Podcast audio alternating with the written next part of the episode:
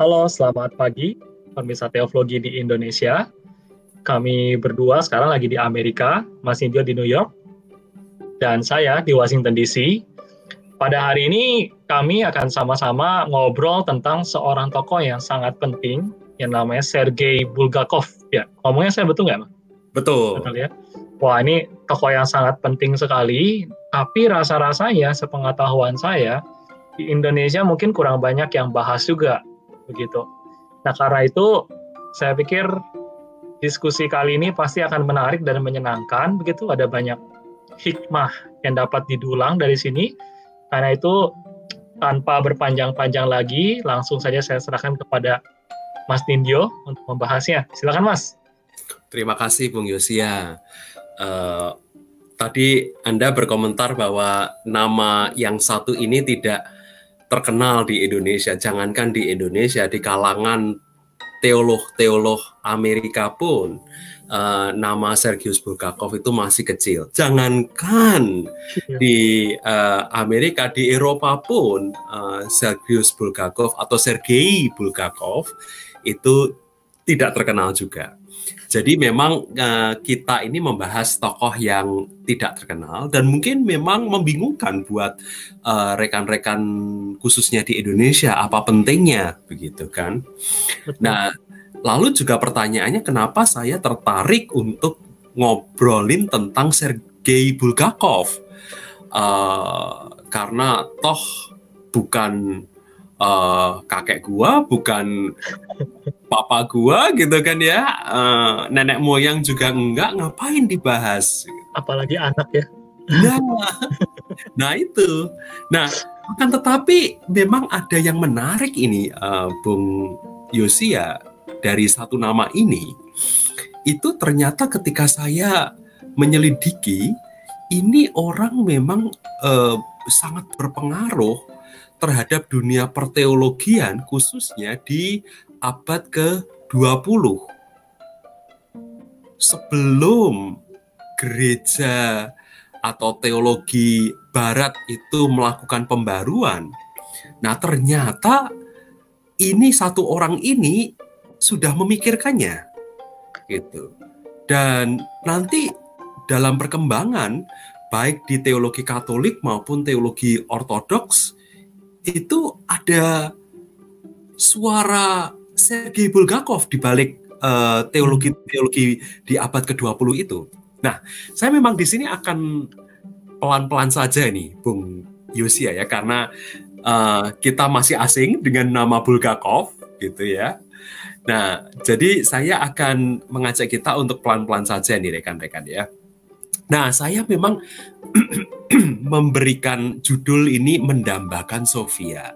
Jadi fokusnya ini kita akan menelusuri pemikiran Bulgakov mengenai Sofia nih, Bung Yosia ya. Uh, karena dia memang sangat terkenal dalam mendulang pemikiran Sofia di abad ke-20. Hmm. Nah, ketika saya mempersiapkan bahan ini memang ada dua ada banyak hal yang ingin saya bicarakan. Saya mau bicara mengenai uh, apofatik teologi, saya kepingin bicara mengenai liturgical teologi uh, atau Sofia. Tapi pada akhirnya saya akan memfokuskan pembahasan ini pada Sofia ini. Gitu. Nanti ada ada sequence berikutnya saya ingin bicara mengenai uh, epistemologi Kristen dan saya akan argue bahwa epistemologi Kristen itu harusnya berdasarkan liturgi. Nah, itu sesi yang lain nanti kita akan bicara ya. Dengan kata lain, di sesi yang nanti itu saya akan argue bahwa kita tidak akan memiliki pengetahuan di luar liturgi. Nah, tapi rekan-rekan, Uh, saya membahas Bulgakov ini bukan juga karena kelatahan saya baru kenal terus kemudian saya kepingin membahas ya. Menurut saya trajektori saya itu sudah dimulai sejak tahun 2000 akhir 2001 2002 Bung Yosi. Pada waktu saya menulis skripsi. Karena dalam perjalanan menulis skripsi S1 saya itu ternyata saya dibelokkan untuk melihat keindahan liturgi. Begitu. Mhm. Dan saya banyak belajar dari liturgi timur akhirnya. Lalu di tahun 2013, wah sudah 10 tahun lebih, saya kemudian lebih menjurus lagi ke liturgi ortodoks timur lagi. Dan saya belajar dari uh, Alexander Schmemann. Nah, selidik punya selidik ternyata Schmemann itu pernah berjumpa dengan Bulgakov. Hmm. Tapi waktu itu nama Bulgakov memang belum di radar saya tahun 2013.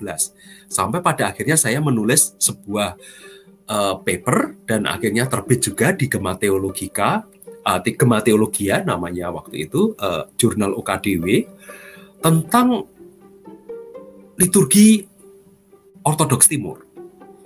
Nah, lalu perjalanan saya, studi saya kan berakhir di Fordham ini dan Fordham iya. itu punya uh, sangat kuat di Ortodoks Timur Ortodoks Timur gitu dan saya kenal nama Bulgakov ini sering-sering disebut oleh dosen saya Okay. Lalu saya tertarik, ada apa sih di balik Bulgakov ini?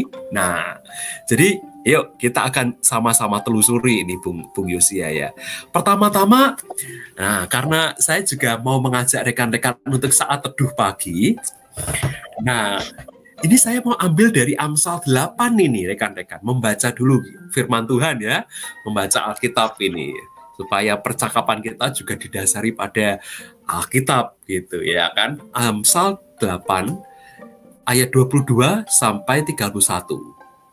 Bunyinya, Tuhan telah menciptakan aku sebagai permulaan pekerjaannya, sebagai perbuatannya yang pertama-tama dahulu kala sudah pada zaman purbakala aku dibentuk pada mula pertama sebelum bumi ada. Sebelum air samudra raya ada, aku telah lahir. Sebelum ada sumber-sumber yang syarat dengan air. Sebelum gunung-gunung tertanam dan lebih dahulu daripada bukit-bukit aku telah lahir sebelum ia membuat bumi dengan padang-padangnya atau debu dataran yang pertama. Ketika ia mempersiapkan langit, aku di sana. Ketika ia menggaris kaki langit pada permukaan air samudera raya. Ketika ia menetapkan awan-awan di atas dan mata air samudera raya meluap-luap dengan deras. Ketika ia menentukan batas kepada laut supaya air jangan meng langgar titahnya. Dan ketika ia menetapkan dasar-dasar bumi, aku ada sertanya sebagai anak kesayangan. Setiap hari aku menjadi kesayangannya dan senantiasa bermain-main di hadapannya. Aku bermain-main di atas muka buminya dan anak-anak manusia menjadi kesenanganku. Demikian firman Tuhan. Syukur kepada Allah. nah, nah, rekan-rekan, dalam perjalanan teologi Kristen memang ada stream, ada arus yang menafsirkan ayat ini di kemudian hari merujuk kepada Yesus Kristus. Tetapi yang menarik ini bukan satu-satunya stream. Ada pemikir-pemikir, khususnya dari Ortodoks Timur, lebih khususnya dari Ortodoks Rusia, yang memikirkan bahwa ayat ini memang merujuk khusus kepada Sofia, kepada Sang Hikmat, bukan kepada Kristus. Nah, kita berhenti sampai di situ dulu. Nanti ketika kita bicara mengenai Bulgakov, kita akan ketemu. Tapi apa yang saya sampaikan tadi, uh, bahwa di dalam tradisi Ortodoks Timur itu tempat Sofia itu khusus di dalam liturgi mereka. Di dalam liturgi mereka, di dalam di dalam ibadah mereka. Contoh misalnya, gereja yang sangat terkenal di Istanbul, Turki. Namanya adalah Gereja Hikmat Kudus. Gereja yang agung, yang besar, ya, yang di kemudian hari ketika Islam berkuasa di Turki, memang gereja ini menjadi masjid. Tapi sekarang kemudian uh, sudah menjadi museum. Nah, kenapa gereja ini disebut sebagai Hagia Sophia atau hikmat kudus? Sementara kita tahu bahwa teologi ortodoks itu kan pusatnya di Trinitas. Begitu ya Bung Yosia ya. Di dalam keyakinan mengenai Tritunggal, Bapa, Anak, dan Roh Kudus. Tapi di banyak gereja ortodoks ada yang mendedikasikan nama gerejanya itu untuk Santa Sofia. Di Tesalonika misalnya, ada lagi gereja yang namanya Santa Sofia. Mengapa demikian? Nah, inilah yang kemudian mengusik seorang muda yang bernama Sergei Nikolaevich Bulgakov. Nah, siapa dia?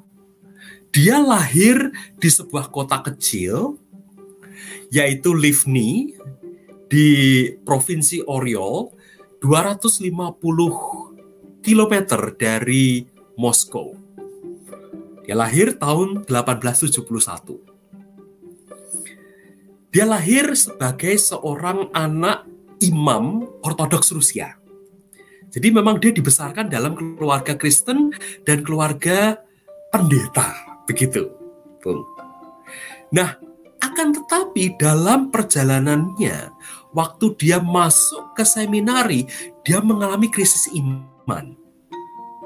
Dia mengalami krisis iman lalu meninggalkan seminari tersebut. Dia mengambil kuliah hukum dan ekonomi. Dia berhenti menjadi Kristen dan dia menjadi Marxis. Dia memfokuskan studinya uh, untuk belajar Marxisme dan pada tahun 1898 sampai 91 tahun dia pergi ke Jerman dengan harapan dia ingin dekat dan melihat secara langsung memiliki pengalaman di tanah tempat Karl Marx itu lahir atau dibesarkan. Ya. Nah, akan tetapi dia malah tidak mendapatkan damai di sana.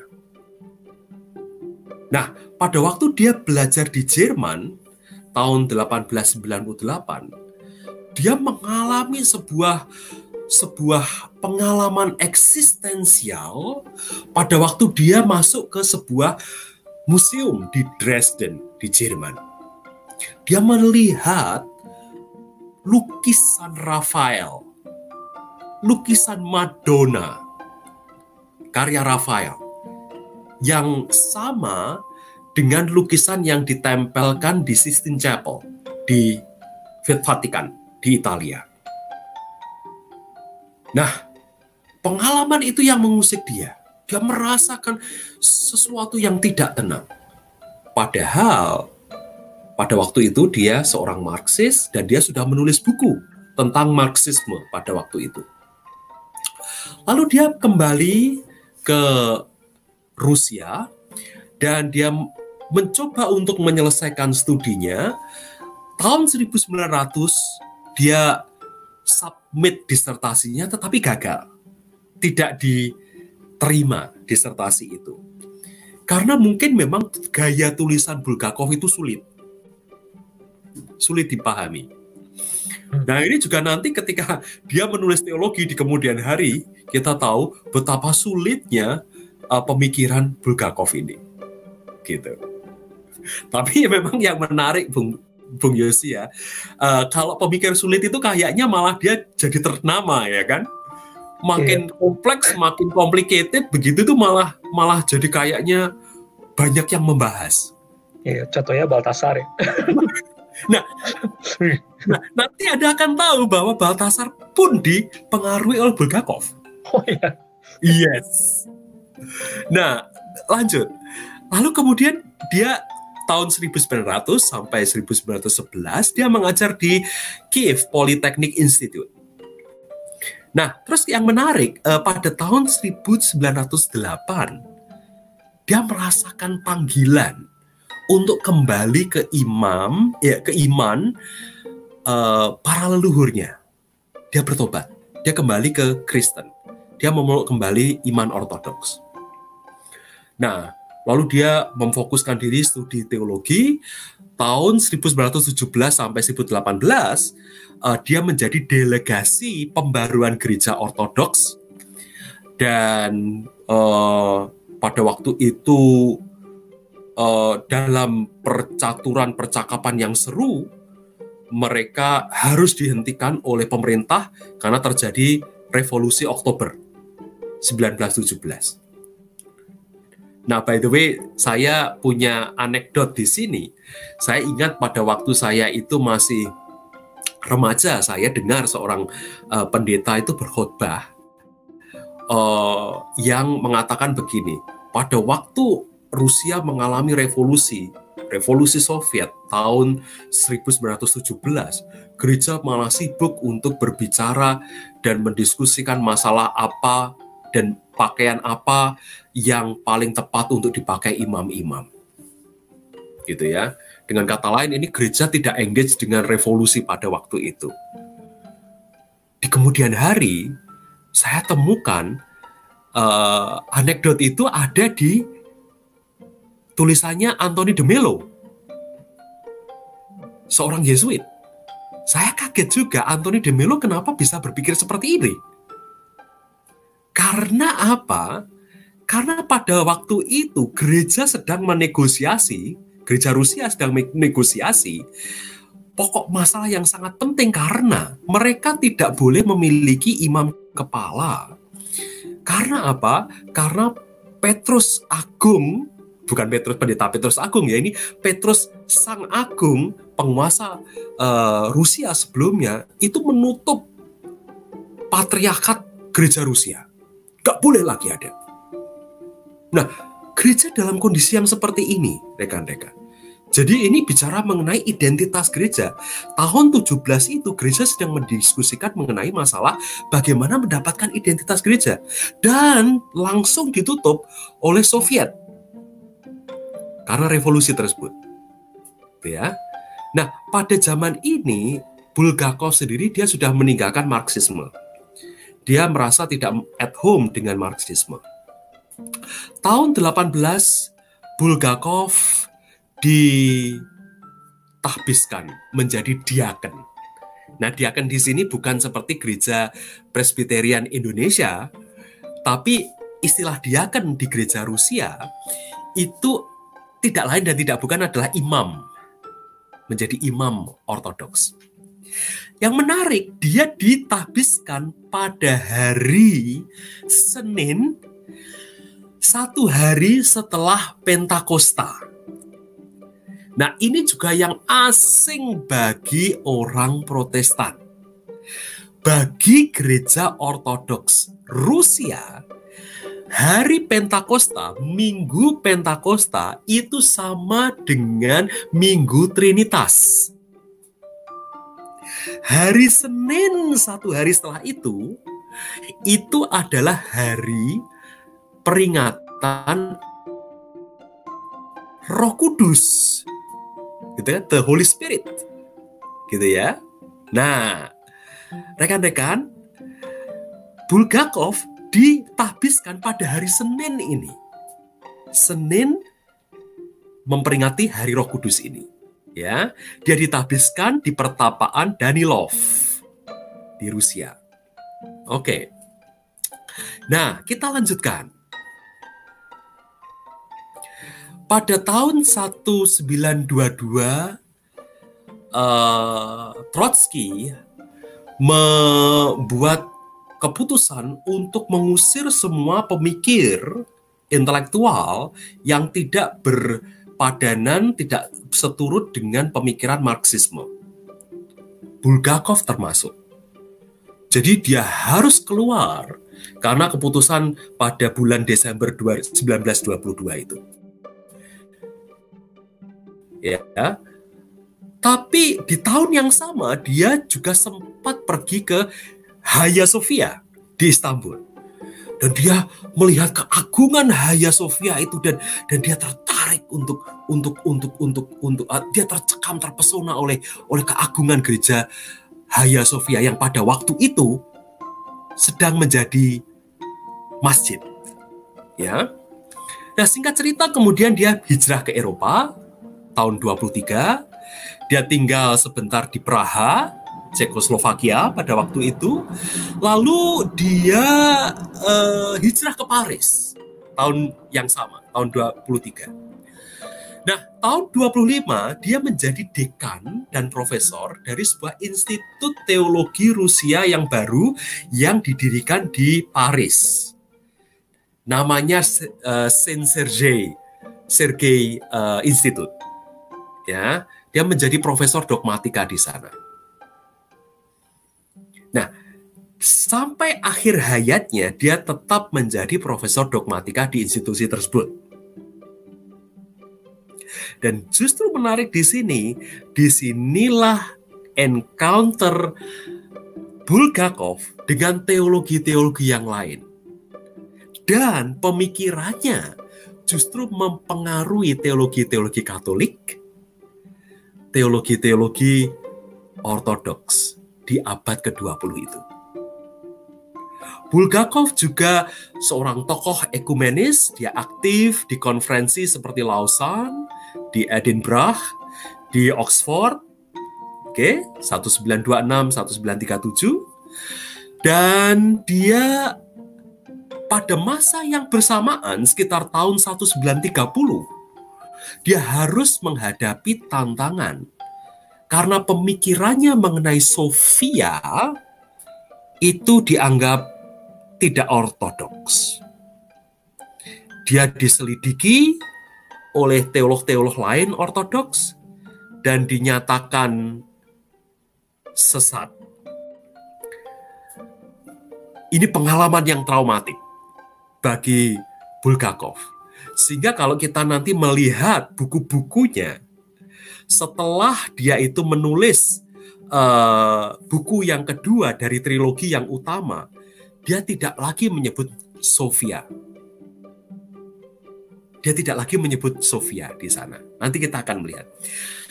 Um, tahun 1944 dia meninggal. Dia meninggal karena kanker tenggorokan yang sudah dideritanya sejak tahun 39. Tiga perjumpaan yang Bulgakov sebut dalam buku Unfading Light itu adalah ini. Yang pertama, pengalaman pegunungan Kaukasus. Pada waktu dia masih menjadi seorang Marxis, dia melihat keindahan pegunungan itu. Dan kemudian dia ingat, jangan-jangan iman aku waktu aku masih kecil itu mungkin benar. Nah, ini adalah titik awal dia bergumul dengan uh, ateismenya dia, apakah dia akan tetap dan atau dia akan kembali ke iman uh, nenek moyangnya. Lalu seperti yang tadi saya ceritakan pada tahun 89 sampai 90 dia melihat lukisan Madonna di Dresden dan di situ dia tertarik untuk untuk untuk melihat uh, uh, uh, terpesona oleh lukisan tersebut dan bahkan dia sampai menangis terharu dengan kegirangan luar biasa di hadapan lukisan tersebut. Dan pengalaman itu membuat dia datang berkali-kali ke Swinger Gallery itu untuk melihat lukisan Madonna tersebut. Pengalaman dia yang tak kalah pentingnya adalah pengaruh dari uh, filsuf novelis Fyodor Dostoyevsky, Vladimir Solovyov, seorang mistikus yang yang melihat yang encounter dengan Sofia sebanyak tiga kali dan juga teolog Pavel Florensky yang pada tahun 1913 Florensky menulis sebuah buku mengenai Sofia. Jadi dia berada di dalam ketegangan ini. Vladimir Solovyov yang eksistensialis, yang sejarawan, dan dia bukan teolog, yang punya pengalaman eksistensial dengan Sofia, dengan Pavel Florensky yang menulis tentang Sofia tahun 1913. Nah, Anda lihat ini ya di dalam ketegangan ini uh, Bulgakov muda sedang berada. Lalu buku yang sangat terkenal yaitu yang disebut sebagai uh, trilogi On God Manhood. Dia menulis trilogi ini dimulai dari tahun 33. Dia menerbitkan buku yang pertama 33, lalu 36. Di masa yang sama, dia menghadapi kontroversi mengenai pemikirannya tentang Sofia. Sehingga Anda lihat buku yang ketiga itu baru muncul tahun 45, terbit setelah Bulgakov meninggal. Dia tidak mau menerbitkan buku yang ketiga Bulgakov meninggal tahun 44. Kenapa? Karena traumanya itu. Setelah dia menulis The Comforter, dia menulis buku teologi ortodoks, The Orthodox Church. Dan di buku itu sama sekali dia tidak menyebut Sofia. Oke, jadi jangan coba-coba memang uh, uh, uh, uh, berhadapan dengan dengan uh, gereja yang yang memang konservatif begitu ya. Traumatik. Nah akan tetapi menariknya kalau tadi saya sebut Pavel Florensky menulis mengenai teologi Soviet tahun 13 dua tahun sebelumnya Bulgakov sudah mulai bicara mengenai Sofia di buku Philosophy of Economy. Tiga tahun setelah Bulgakov bertobat. Anda lihat ini, dia melihat Sofia, dia belum teolog ya, dia belum belum belum berpikir teologis di sini. Dia melihat Sofia itu sebuah force, sebuah karya yang hadir di dalam dunia. Ya. Nah, Sofia itu yang berkarya melalui sejarah umat manusia. Dan Sofia itu juga yang meng mengarahkan, mengorientasikan sejarah manusia. Dan dia melihat dunia itu sebagai Sofia. Ya, dan kembalinya dunia ke kehidupan Sofia itu adalah tujuan dari sejarah dunia ini. Ya. Nah, Anda lihat di sini eh, pengaruh idealisme Jerman sebenarnya. Oke. Jadi setelah dia bertobat, setelah dia uh, kembali dari Marxismenya ke kekristenan, dia banyak membaca Kant, dia banyak membaca Hegel. Nah, karena dia masih seorang ekonom, dia menulis buku ekonomi tetapi dari perspektif yang berbeda, dari perspektif historik, uh, historis, ya, filosofi historis. Nah, Sofia adalah titik tekannya di sini. Bulgakov adalah seorang pemikir yang kompleks. Tadi saya sebut cara menulisnya itu sulit sekali. Tapi kalau kita mau bicara mengenai apa sih inti yang Bulgakov mau sampaikan, paling nggak ini dua. Anda akan menemukan mengenai keutamaan dan universalitas wahyu Allah. Wahai rekan-rekan Protestan, dan saya juga lahir dari gereja Protestan, kita yang terbiasa dengan wahyu Allah itu mewujud dalam wahyu umum dan wahyu khusus. Perhatikan, lihat kembali, selidiki kembali, dari mana pertama orang bicara mengenai pembedaan dikotomistik antara wahyu umum dan wahyu khusus.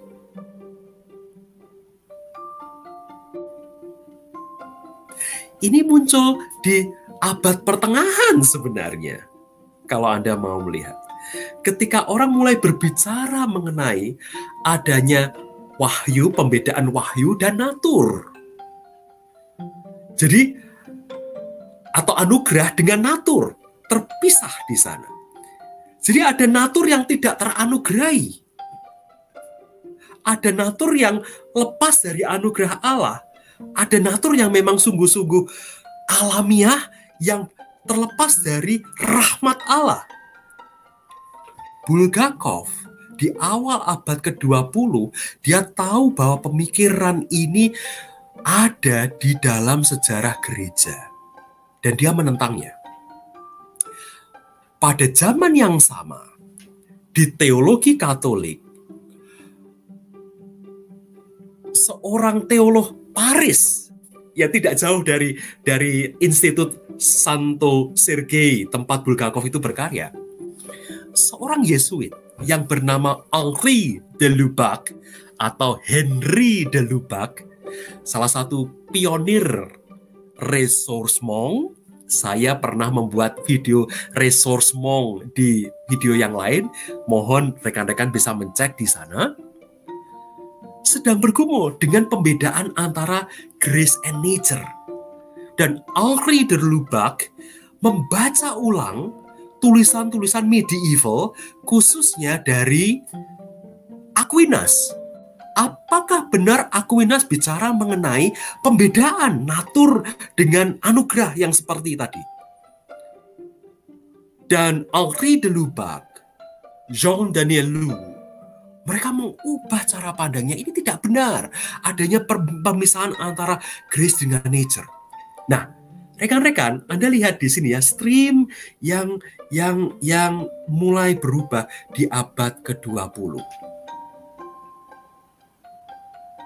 Yang kedua, Bulgakov bicara mengenai keterkaitan satu dengan yang lain segala sesuatu. Jadi segala sesuatu itu terkoneksi berkelit kelindan satu dengan yang lain. Ya, jadi bicara mengenai interkoneksi ini nggak bicara semata-mata teologi Asia. Jauh sebelum itu, Bulgakov sudah mulai memikirkannya, rekan-rekan.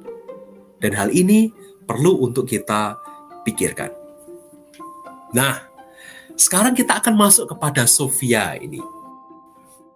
Bu, apa itu Sofia? Nah, saya mengambil atau menyarikan secara sederhana gitu ya. Sekali lagi uh, pemikiran Sofia Bulgakov itu kompleks. Tetapi rekan-rekan ada satu buku yang yang yang tipis berjudul Sofia the Wisdom of God. Ini adalah pledoi dari Bulgakov pada waktu dia diperiksa dan dianggap bahwa pemikirannya mengenai Sofia itu tidak sesuai dengan tradisi. Tapi yang mau Bulgakov pertahankan adalah begini rekan-rekan. Ketika kita bicara mengenai Sofia, itu sebenarnya kita bicara antara adanya jarak antara Allah yang tidak tercipta dengan ciptaan.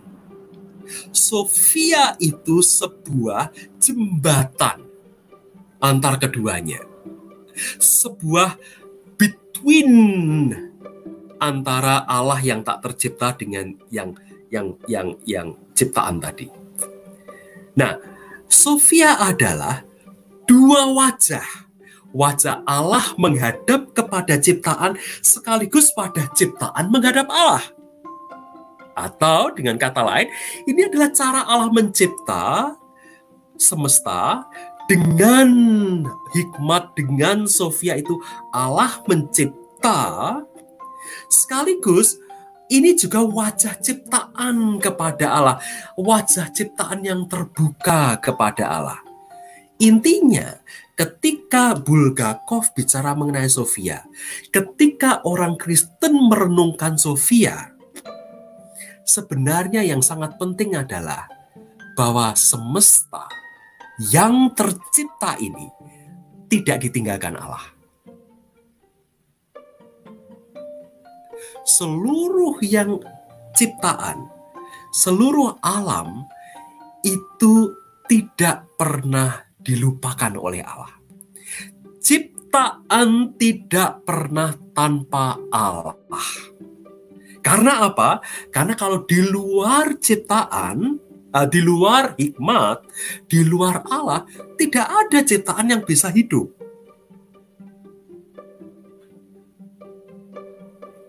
Maka ketika Allah itu menyatakan diri kepada ciptaan, wahyu Allah itu utuh, wahyu Allah itu satu. Wahyu Allah tidak tidak terbagi antara yang khusus dengan yang yang umum. Allah menyatakan diri secara utuh, rekan-rekan.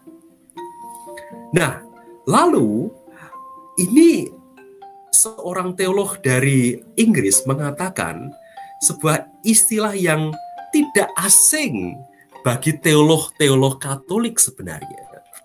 Khususnya kalau mereka akrab dengan Karl Rahner. Creation is graced. Saya pikir dulu graced itu adalah istilah runner. Tapi begitu saya membaca Bulgakov yang menulis sebelum runner, ternyata apa yang dipikirkan runner sudah ada di Bulgakov. Jadi ternyata realitas ini itu adalah realitas yang teranugerahi.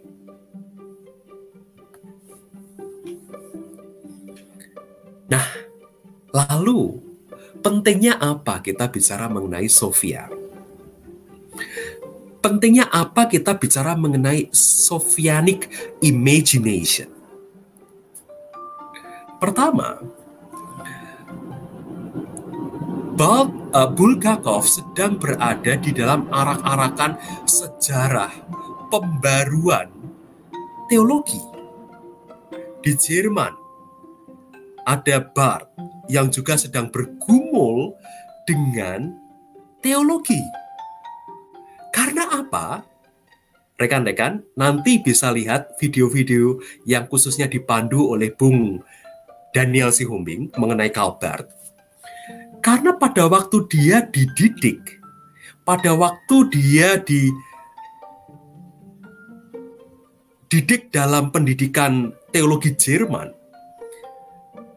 para gurunya yang adalah teolog liberal itu lebih bicara teologi sebagai etika.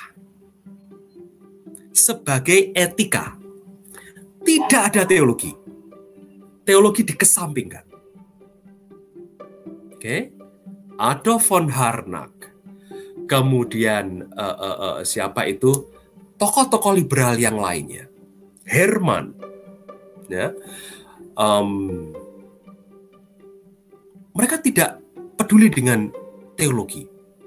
Barth bergumul. Pada tahun 27 ketika Barth menjadi profesor di Göttingen, dia menerbitkan dogmatiknya Christian dogmatik.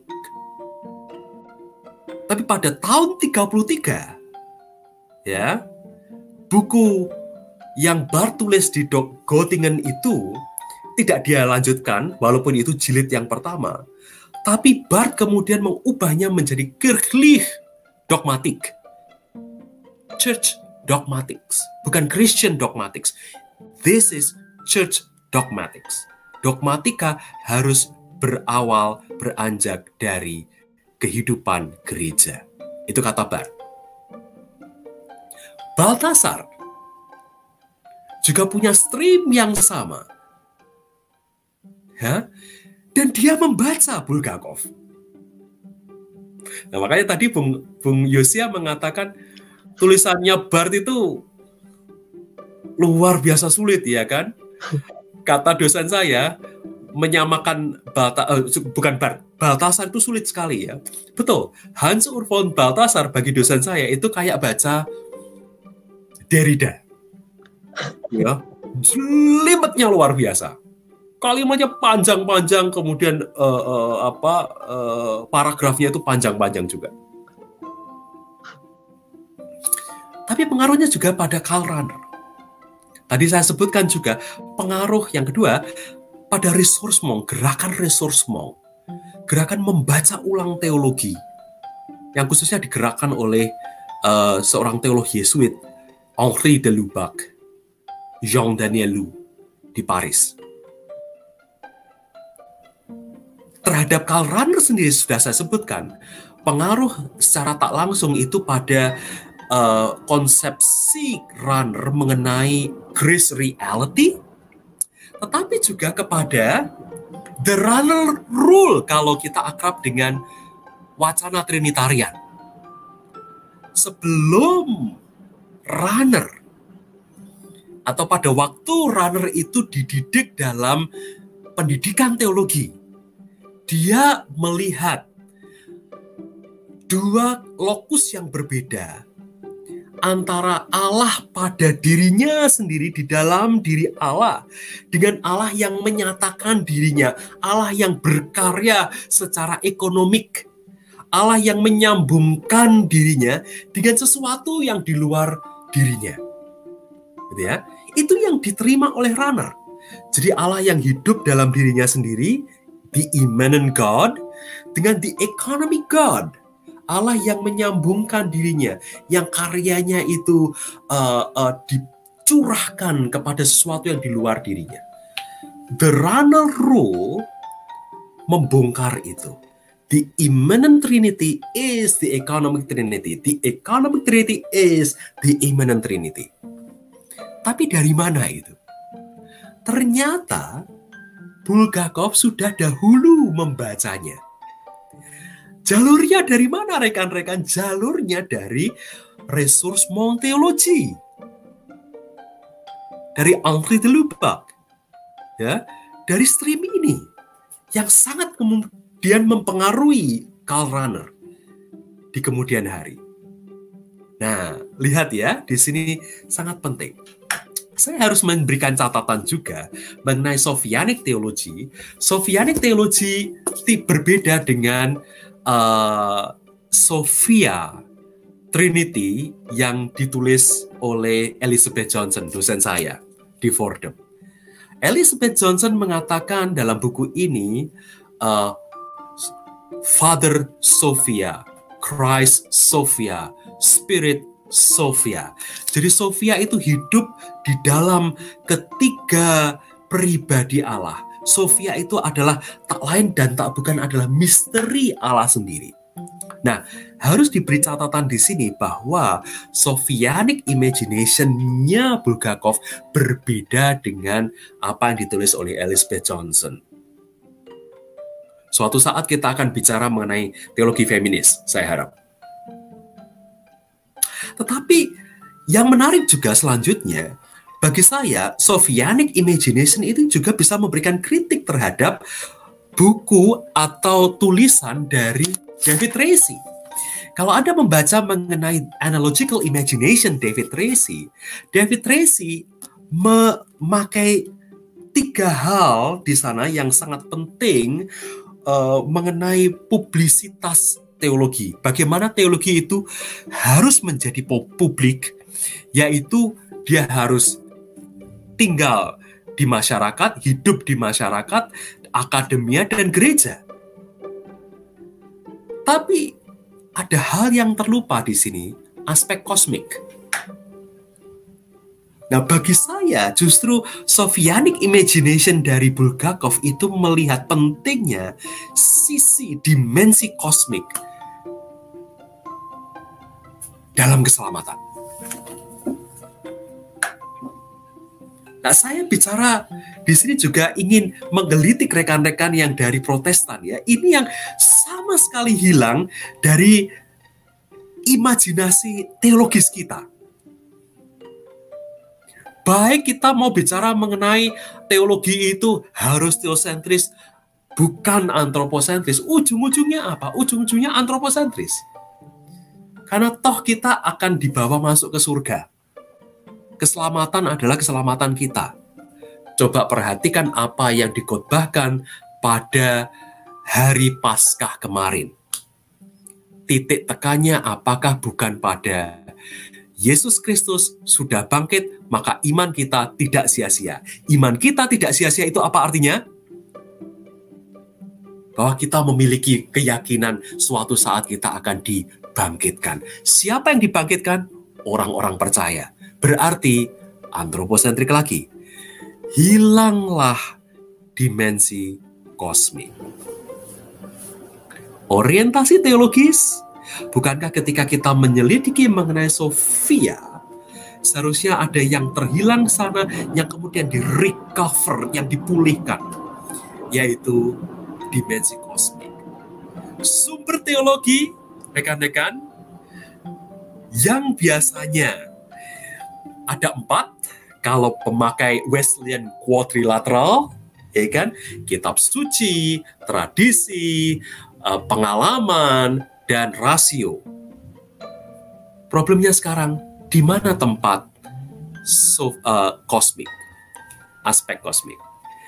Nah, sampai di sini, Bung Yosia ini ya, saya cukupkan sampai di sini supaya kita bisa punya waktu untuk diskusi. Wah, gila. Rumit juga kata Bulgakov ya. tapi menarik guys maksudnya uh, saya sih banyak dapat insight juga ya. Tapi minimal saya jadi ingat dua hal ya. Saya tahu Bulgakov itu sebenarnya karena ini. Jadi waktu itu kan uh, skripsi saya tuh tentang ini kan. Waktu itu saya mau bahas tentang dialog. Nah sama kan basisnya saya kan pakai waktu itu pakai Kevin Van Hooser kan nah Kevin Van Hooser ini kan dia mendasari teologianya di teologi narasi rasanya sebenarnya arahnya post liberal Yale kan punya punya Frey begitu kan arahnya dari situ. Nah tapi yang menarik justru sebenarnya kritik terbesar terhadap teologi narasi ini sebenarnya dia nggak menyertakan hikmat sih kitab-kitab hikmat. Hmm. Jadi kan yang jadi problem di narasi itu kan bagaimana kitab puisi ini bisa masuk dalam tradisi narasi ini kan sebenarnya. Nah yang menarik yang saya tahu akhirnya dari situ sebenarnya saya mulai kepengen buat bahas hikmat waktu itu.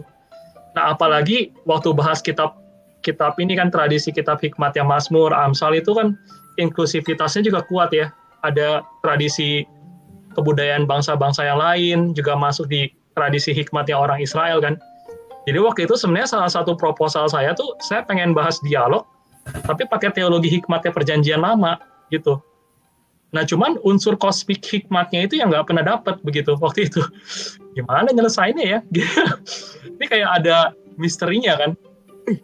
sayang ya. Waktu itu sempat tahu Bulgakov.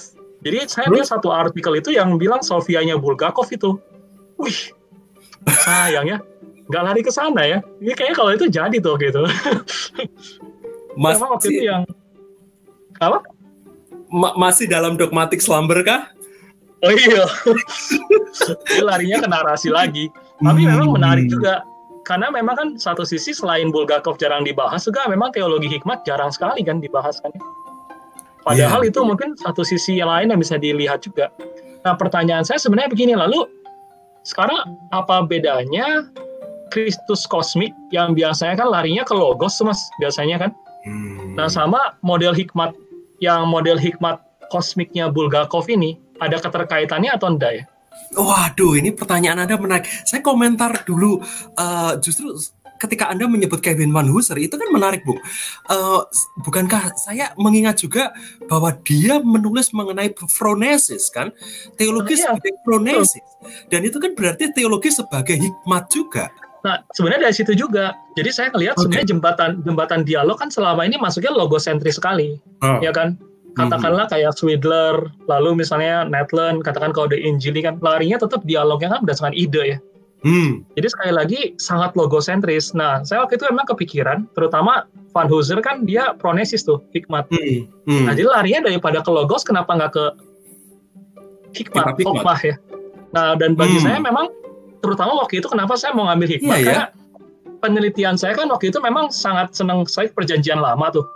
Dan waktu itu sebenarnya kalau ngelihat kitab Yahudi, maksudnya, eh sorry, bukan kitab Yahudi, kayak uh, dalam penafsiran perjanjian baru misalnya, yang sekarang-sekarang kan kebanyakan kan mulai ngelihat Judaismenya kan sebenarnya. Nah, bicara hmm. tentang Judaisme dalam menafsir perjanjian baru juga nggak pernah lepas dari tradisi hikmat ini kan sebenarnya begitu. Yes. Kitab yes, yes. Yakobus, itu kan tradisi hikmatnya kuat sekali, dua jalan misalnya. Wah, jadi sebenarnya waktu itu saya pikir gila nih, ini tradisi hikmat nih bagus sekali nih ya, prominent gitu ya. Wah ini kalau bisa dikembangin bagus ini. Tapi ketutup jalannya nggak tahu. Teolog siapa gitu ya yang bahas ini ya. baru tahu nih, uh Bulgakov ya. Dan betul betul sekali. Wih, sayang gitu ya. Tahu gitu gue lanjutin yang Bulgakov.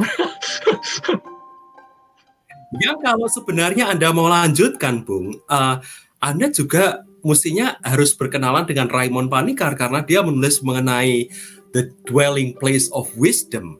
Oh, gitu Dan ya? dia menulis mengenai mengenai hikmat sebagai uh, lokus dialog di sana. Oh, Oke. Okay. Tepat sekali yeah. dia bicara mengenai mengenai phronesis begitu, mengenai oh. uh, bahwa filosofia itu kan berarti cinta terhadap yeah. Sofia, tercinta yeah. terhadap hikmat begitu. Dan Bulgakov juga memakai yang mirip dengan hal hal, hal tersebut. Hmm? Um, nah, itu. Um, nah, pertanyaan Anda yang kedua tadi bicara mengenai apakah ini sama dengan Kristus kosmik? Bagi penulis-penulis kebanyakan penulis disamakan karena sekali lagi uh, apalagi ketika membaca Yohanes pasal 1 gitu kan hmm. Uh, Yohanes pasal 1 itu kan para penafsir mengatakan ini didulangnya dari tradisi hikmat. Begitu kan? Betul betul betul. Walau nah, pada kenyataannya interpretasinya sering kali kan ke Yunani jadinya kan ke logosnya mm -hmm. itu kan masalahnya kan biasanya. Yeah. Ya, itu itu memang bisa, bisa demikian. Tetapi problemnya nanti adalah begini. Eh, di Amsal pasal 8 itu kan dinyatakan dengan jelas bahwa dia adalah yang pertama dari ciptaan. Hmm, hmm, betul, betul. Nah, nah itu apakah nanti tidak tidak tidak bertabrakan kalau ini disebut sebagai Kristus kosmik? Saya membayangkan Bulgakov itu was waspada di sini. Betul, betul Iya kan? Memang memang itu problemnya dan nanti bisa larinya ke Arianisme juga kan. Sebenarnya itu kan ah. problemnya di situ. Betul yes. sih. Ah, ah, ah, ah. Nah itu. Nah, um, nah di sini uh, saya ingin ingin ingin bicara begini juga, Bu. Bulgakov justru di awal sekali sebelum jauh sebelum Karl Rahner itu menerbitkan bukunya mengenai The Trinity tahun 76 ya kan? Um, Bulgakov sudah solve problem yang coba diselesaikan oleh Karl Rahner. Itu kan perbedaan mengenai uh, immanent trinity dengan economic trinity tadi. Nah tetapi problemnya bagi Karl Rahner yang dia tidak tahu untuk menyelesaikannya adalah bagaimana caranya kerja Allah terus yang yang yang imanan adalah ekonomik dan ekonomik itu adalah iman bagaimana? Hmm. Bulgakov sudah terlebih dahulu bicara dan mirip dengan yang sebenarnya anda sebutkan di beberapa sesi yang lalu mengenai trauma dan trinitas, ada memakai tulisan Pak Yowas Adi Prastia di sana. Bulgakov su sudah mendulang uh, begini, Allah Bapa itu bekerja melalui Yesus Kristus dengan Roh Kudus. Makanya trilogi yang agung dari Bulgakov tadi diawali karya pertamanya yaitu mengenai mengenai Yesus Kristus. Hmm. Makanya dia menulis mengenai Lamb of God pada tahun 33. Ini bicara mengenai kristologi. Jadi di di mindset uh, Bulgakov dia tidak start dengan siapa Allah Bapa. Tapi dia tahu bahwa Allah Bapa itu bekerja melalui Yesus Kristus. Buku yang kedua, dia menulis mengenai The Comforter, Roh Kudus. Gitu kan? Jadi dua uh, tangan Allah kalau memakai Ireneus ya kan? Ini yang merupakan cara Allah bekerja. Ya, hmm. nah itu. Lalu bagian yang ketiga dia bicara mengenai eklesiologi dan eskatologi sebenarnya. Ya, yang memang dia tunda-tunda untuk menerbitkannya. Tapi paling tidak di dalam dua buku, dua dua hal yang pertama ini, The Lamb of God dan The Comforter, kita tahu uh, dia mencoba untuk mendedah problem Trinitas pada waktu itu. Hmm. Nah itu bung uh, respon saya. Oh, terus tapi saya jadi kepikir lagi nih, misalnya dia kan pakai ini ya. Nah saya sih nggak tahu sejarahnya. Uh, wah ini ada respon nih mas kenal Bulgakov dari kelas filsafat ekonomi S1. ada nuansa Terima Sofia, kasih ya. ini. Iya, betul. Ya, Bung sama Vincenzo. Iya. Kalau Anda Anda membaca Bulgakov, wah di S1 dan ada paham atau paling tidak memahami pemikiran Bulgakov, luar biasa. Saya dua jempol iya. gini. Saya gitu ya. bahkan ya. baru tahu Bulgakov ekonom. Dia ekonom betul betul. Ya betul. Jadi memang betul dia ada nuansa uh, teologi sofianya di situ. Tapi saya jadi kepikir juga masalah tangan Allah itu kan. Kan kalau Mas tadi bilangnya pakai Irenaus ya. Mm -hmm. memang saya rasa ini kan teologi penciptaan yang memang sangat kental sekali dari Irenaus kan. Sebenarnya dan memang bisa dekat sekali dengan Amsal 8 si larinya. Mm-hmm. Nah, tapi saya jadi kepikir juga, misalnya dalam buku-buku pengantar Tritunggal. Nah, saya kurang tahu dengan tradisi uh, Yahudi ya, terutama ya saya nggak ngikutin. Nah, tapi setahu saya dalam pengantar-pengantar Trinitas itu biasanya dibilang orang Yahudi sendiri juga punya model tiga tuh ya. Jadi kan Yahweh, hikmat Yahweh, sama roh Yahweh wow. misalnya itu kan. Iya kan? Hmm. Kita misalnya Yahweh, uh, Davar Yahweh itu, kata Yahweh sama ruah Yahweh itu kan. Nah, trilogi ini baik baik davar maupun ruah itu adalah cara Yahweh berkarya. Uh, dan dan ini memang selalu selalu dipasangkan kan. Jadi tiga ini memang selalu ada begitu. Nah, maksudnya tuh yang saya pengen tanya apa mungkin Bulgakov itu ngambil dari Irenaus atau mungkin dari tradisi Yahudi itu ya? Mungkin sih. Saya rasa tiga ini memang jadi setahu saya sih nggak nggak nggak selalu nggak selalu hmm tiga itu jadi pribadi sih. Memang ini beda banget sama Trinitarian yang kita punya. Tapi minimal maksudnya, setahu saya dari ya, uh, teologi yang Yahudi sendiri kan udah ada semacam begitu ya. Nah, gitu, terutama teologi hikmat ya kan. Nah, maksudnya apakah tarikannya memang dari si Irenaus atau justru dari yang tradisi Yahudi itu ya? Saya jadi kepikir begitu juga. Ada tanggapan nggak? Lebih mungkin yang mana ya? Begitu. Saya tidak tahu, saya tidak tahu tepatnya. Uh, hmm sorry jadi terpikir kan banyak pertanyaan. No, no, ini ini justru menarik.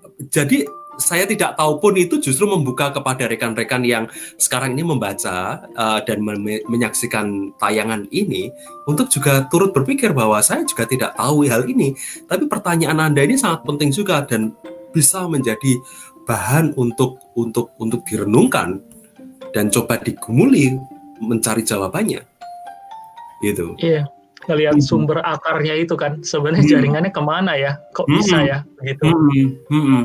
Hmm. betul betul jadi memang cara pikir ini selama ini kan berpikirnya dari arah Yunani ya nah yang saya tadi coba usil tuh apa harus dari yang Yunani Bapak Gereja ke Bulgakov atau jangan-jangan cara lain kan ada begitu ya memang pertanyaannya adalah kalau memang Bulgakov itu mendulang dari cara pemikiran um, Ibrani apa Yahudi uh, problemnya adalah dari mana? Apakah memang ya, dia betul, betul. sit in di kelas uh, teologi Yahudi atau justru Irenaeus dari Leon itu sendiri dia adalah pemikir yang dipengaruhi tidak melulu oleh filsafat Alexandria yang lebih platonik tetapi justru lebih dekat ke tradisi Antioquia hmm. tradisi ya. tafsir Antioquia yang memang lebih cenderung menggali teks dan um, melihat latar belakangnya begitu. Nah, bedanya kan begitu. Jadi dalam dalam tradisi penafsiran ada dua mazhab. Iya, iya, betul, betul. Antioquia dengan Alexandria. Betul. Alexandria ini yang lebih spekulatif, lebih mistik, lebih platonis. Sementara hmm. Antioquia itu yang lebih tekstual. Hmm, betul betul. Begitu. Dan Alexandria itu Origen ya rasanya ya. Origen itu Alexandria. Betul. Sementara Origen. Uh, Irenaeus dari Lyon itu um, dia dia sepertinya dia lebih cenderung ke Antiochian uh, hmm. school. Iya, wah menarik tuh. Jadi trajektorinya jadi banyak nih. nah itu, ya, ya tapi sekali lagi ini adalah perkenalan mengenai Bulgakov. Uh, bagi hmm. saya adalah uh,